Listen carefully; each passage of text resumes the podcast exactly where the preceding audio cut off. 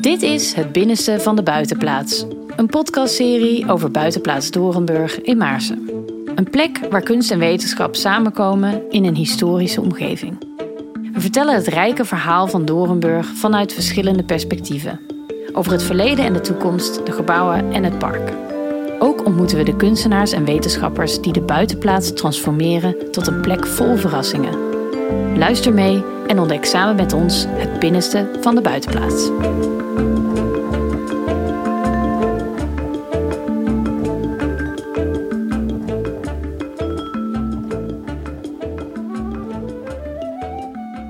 Tussen Breukelen en Maarsen kronkelt een wandelpad langs het water. Hier aan de Vecht, vlak buiten Utrecht, staan allerlei historische villa's en landgoederen. Als je hier loopt, dan doe je een stap terug in de tijd. Het zijn stuk voor stuk kleine paleisjes. Met torentjes op het dak, sierlijke kronkels boven de voordeur, weelderige tuinen en soms zelfs een theekoepeltje aan het water. Het lijken wel goed gelukte slagroomtaartjes, zo bij elkaar. En dan is er ook nog die meanderende rivier in het groen, die alle pracht en praal met elkaar verbindt.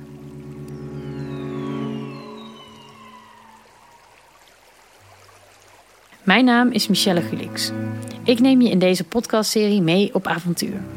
Samen ontdekken we Dorenburg, een buitenplaats waar kunst en wetenschap samenkomen.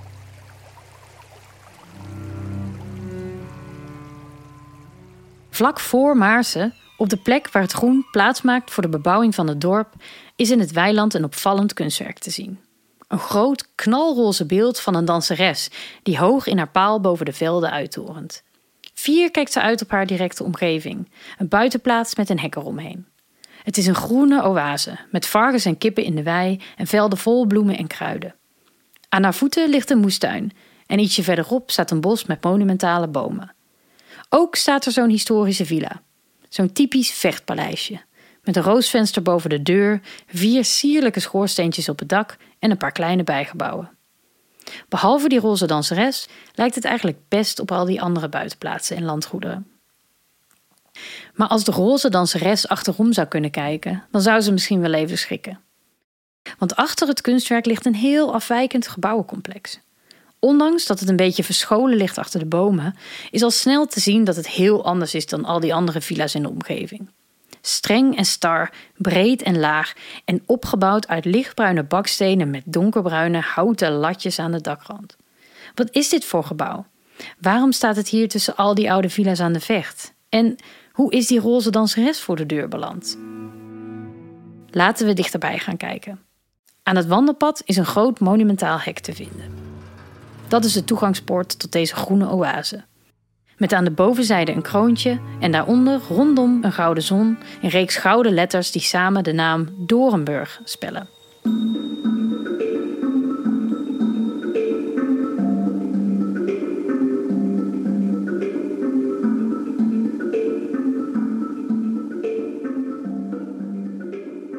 Buitenplaats Doornburg um, ja, is een plek waar je uh, kunst en wetenschap ja, kunt beleven, maar ook waar je heerlijk kunt eten. Je hoort hier Maya Meijer-Bergmans, de eigenaar van deze plek. Maya is een vrolijke, chique Haagse dame die met veel enthousiasme vertelt. Ze draagt een pak, grote oorbellen en een nette witte blouse. Maar wel heeft ze felgekleurde sneakers aan. We bevinden ons nu in de priorij. En de priorij is een voormalig klooster. Wat hier gebouwd is tussen volgens mij 1958. Het was volgens mij klaar in 1966. Maya is eigenaar van buitenplaats Dorenburg samen met haar man Tom Meijer. Vroeger hadden zij hun eigen bedrijf voor projectontwikkeling. Daarmee stonden ze aan de wieg van allerlei grote winkelcentra en woningbouwprojecten in heel Europa. Maar later zijn ze ook de drijvende kracht geweest achter de Westergasfabriek in Amsterdam. Een voormalig fabrieksterrein dat sterk vervuild en verwaarloosd was. En zij transformeerden dat aan het begin van de 21ste eeuw tot een hippe culturele hotspot. Hiermee kregen ze de smaak te pakken en sindsdien richtten Ton en Maya zich op de transformatie en herbestemming van erfgoed. Ze hebben daarbij veel aandacht voor kunst en cultuur. Maar dat is eigenlijk ook wel logisch als je bedenkt dat Maya kunsthistorica is zo kochten ze Paleis Hoesdijk in Baarn, dat ze nu herbestemmen tot een soort tentoonstellings- en innovatiepaleis. En ook kwam deze buitenplaats, Doornburg op hun pad.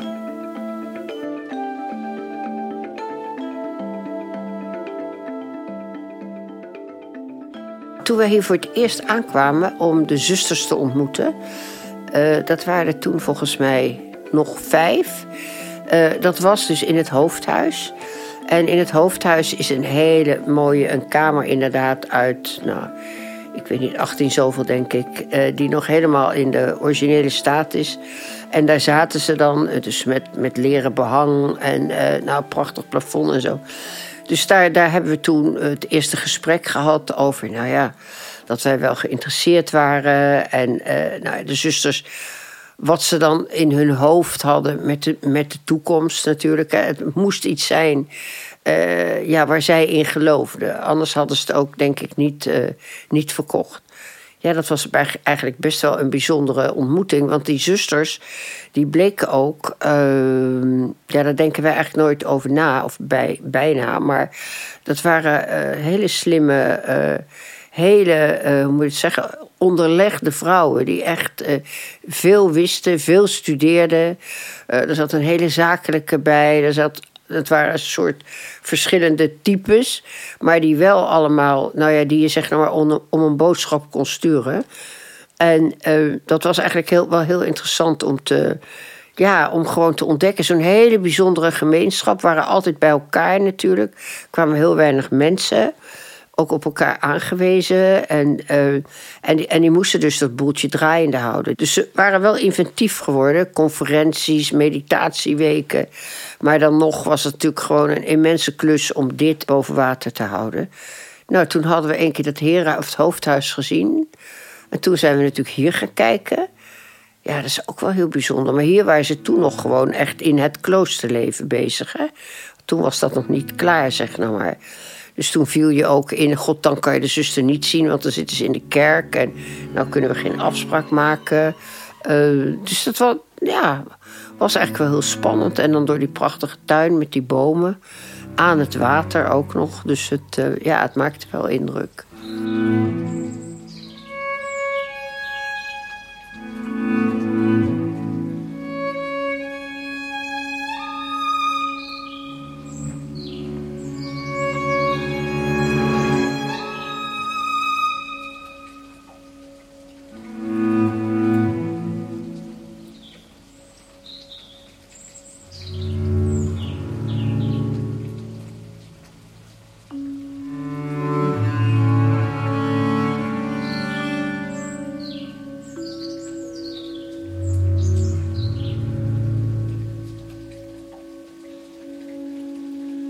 Bij erfgoed denken we vaak aan middeleeuwse kerken, wilderige paleizen of historische grachtenpanden. Oude, statige gebouwen met gouden kroonluchters. Een buitenplaats Dorenburg is wat dat betreft een vreemde eend in de bijt. Want de priorij, het grootste gebouw op de buitenplaats, is eigenlijk niet zo knuffelbaar. Het is gebouwd in de jaren 60 en dus ook nog niet zo oud. De buitenkant is heel sober en binnen is het een beetje donker. Misschien mogen we het niet zeggen, maar het lijkt ook wel een beetje op een soort crematorium, toch? Ja, het crematorium kan ik me wel iets bij dat met sommige mensen dat denken. Vind ik niet zo gek. Ja, het is heel dicht, maar het was ook de bedoeling, want ze moesten natuurlijk bidden en studeren. En vooral niet met de buitenwereld te veel in actie komen. Dus daar is het wel echt op gemaakt. Ondanks die uiteenlopende meningen over dit gebouw is de priorij aangewezen als monument. En of iets een monument wordt of niet, heeft niet altijd te maken met of iets mooi of lelijk is. Sterker nog, of iets mooi of lelijk is, dat vinden de kenners niet zo interessant als het om erfgoed gaat. Veel belangrijker is de betekenis ervan. Want ieder gebouw vertelt een verhaal.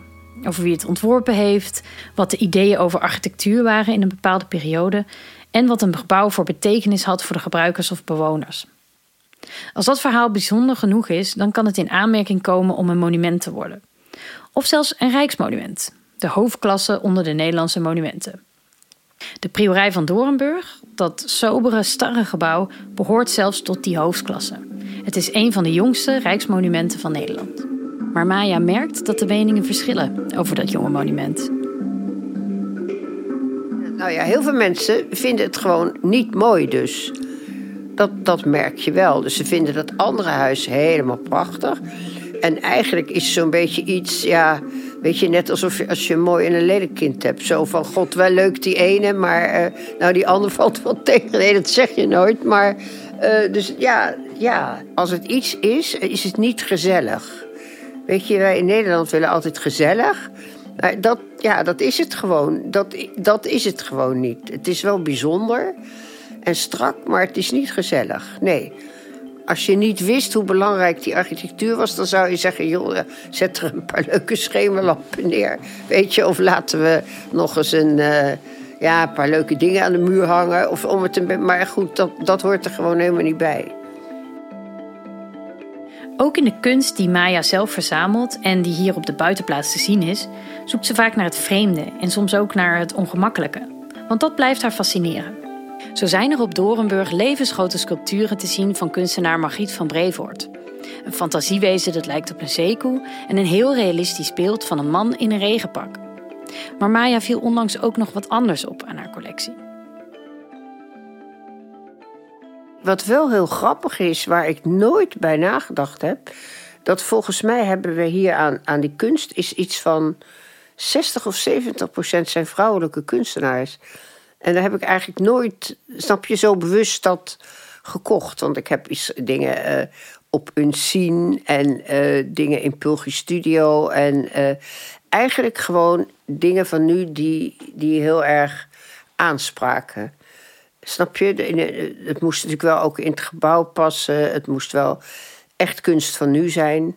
Uh, maar het allerbelangrijkste was denk ik ja, dat het op de een of andere manier aansprak. En ja, mooi vinden in de kunst vind ik moeilijk. Maar dat het mij gewoon wat deed. We hebben bijvoorbeeld ook die, uh, die zeeolifant op die bank. Hè? Ja, die vond ik gewoon waanzinnig leuk. En ook die, die man in die regenjas. Ja, dat kan je eigenlijk niet uitleggen.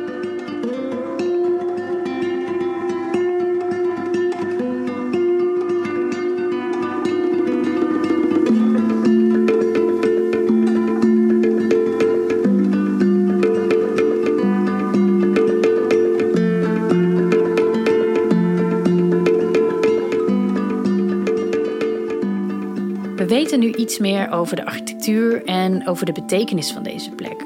Maar er blijft nog één vraag openstaan. Wat is het verhaal achter die roze danseres die voor de priorij staat?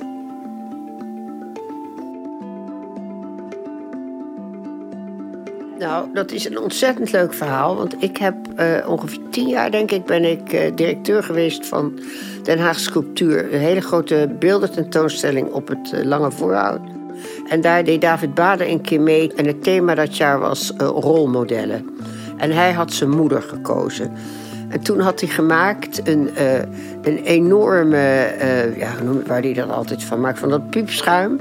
Een berg van piepschuim. Dus dat stond op de Lange Vijverberg in Den Haag. En aan het eind van de tentoonstelling zei hij op een gegeven moment... ja, Maya, vind je het heel erg... Kan jij dat ding niet ergens neerzetten? Ik zei, nou, misschien heb ik wel iets. En toen hebben we het gezet bij het Promenade Hotel in Den Haag. Is op de grens tussen Den Haag en Scheveningen, dus het waait daar nog alles. En toen ongeveer vier jaar later of zo, toen belde hij, David. En toen zei hij, god, ik zou nou toch wel eens mijn beeld uh, willen zien. Of uh, terughalen of zoiets. Ik zeg, jeetje Mina, ik, ik zal eens even vragen daar hoe dat daar zit. En uh, nou, die directeur zei, ja, volgens mij staat daar helemaal niks meer. Ik zeg, staat er helemaal niks meer? Hij zei, nee, dat is al lang weg. Ik zeg, weg? Hij zei, ja, daar waren stukken afgewaaid en zo. En dat hebben gewoon, die schoonmakers hebben dat in de container gegooid. En ja, we hebben eigenlijk gewoon, het, het, is weg. Dus nou, ik ken David goed, dus ik naar David. Ik zeg, ja, David, het is wel een vreselijk dramatisch verhaal. Maar het hele beeld is gewoon niet langer, uh, dat bestaat niet meer al. Ik zei, maar ik heb wel een idee om het goed te maken. Want ik vond het natuurlijk wel heel erg klunzig. Um, ik zeg, ik zou wel willen... Hij heeft in het gemeentemuseum staan een paaldanseres. Maar veel kleiner. Ik, zei, ik zou het wel leuk vinden om, als jij nou voor ons een paaldanseres maakt. Oké, nou. En nou ja, het is natuurlijk een kunstenaar, dus hij doet gewoon vrij, hoe moet ik zeggen, hij doet gewoon wat hij, hij wil. Ik had achteraf liever geel gewild, maar goed, het is nu zuurstok roze geworden. En toen is hij dus met dit ding uh, gekomen. Uh, en dat is een ontzettend gek ding, want er zitten allerlei, uh, hoe moet je dat nou zeggen, elementen aan die van alles betekenen en zo. En een, ik dacht een weermachthelm en een, nou je kan het zo gek niet verzinnen, allemaal bij die danseres. En toen heeft het eerst gestaan bij die Art Zuid in Amsterdam. Dus dat was al heel leuk. En toen dachten we op een gegeven moment, dachten god, dat is eigenlijk wel heel erg leuk om, hem, om hem hier gewoon te zetten. Want het is wel eigenlijk een ding wat helemaal niet bij die vecht past natuurlijk. Hè? Voor de meeste mensen aan de vecht. Die hebben liever een, uh, een bronzen paardje, denk ik. Of ja, weet ik, zoiets. Uh, nou ja, zo is het eigenlijk gekomen dus. Dat is het verhaal. Ja, een heel leuk verhaal. Ja, een onzinnig verhaal dat dat ding weg was.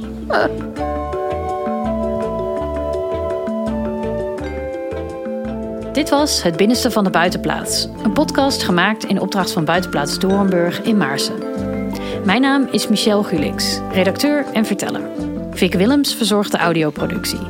De soundtrack is gemaakt door muzikanten Felbum en Stef Veldhuis, die deze stukken schreven tijdens een residentie in de Priorij. De serie kwam tot stand met de steun van het Stimuleringsfonds Creatieve Industrie, de Stichting Karel Nengerman Fonds en het Cultuurfonds Stichtse Vecht. In de volgende aflevering duiken we in de geschiedenis van de buitenplaatsen aan de Vecht. Maar wil je in de tussentijd op bezoek gaan bij Dorenburg? Ga dan naar www.buitenplaatsdorenburg.nl voor meer informatie. Bedankt voor het luisteren en tot de volgende keer.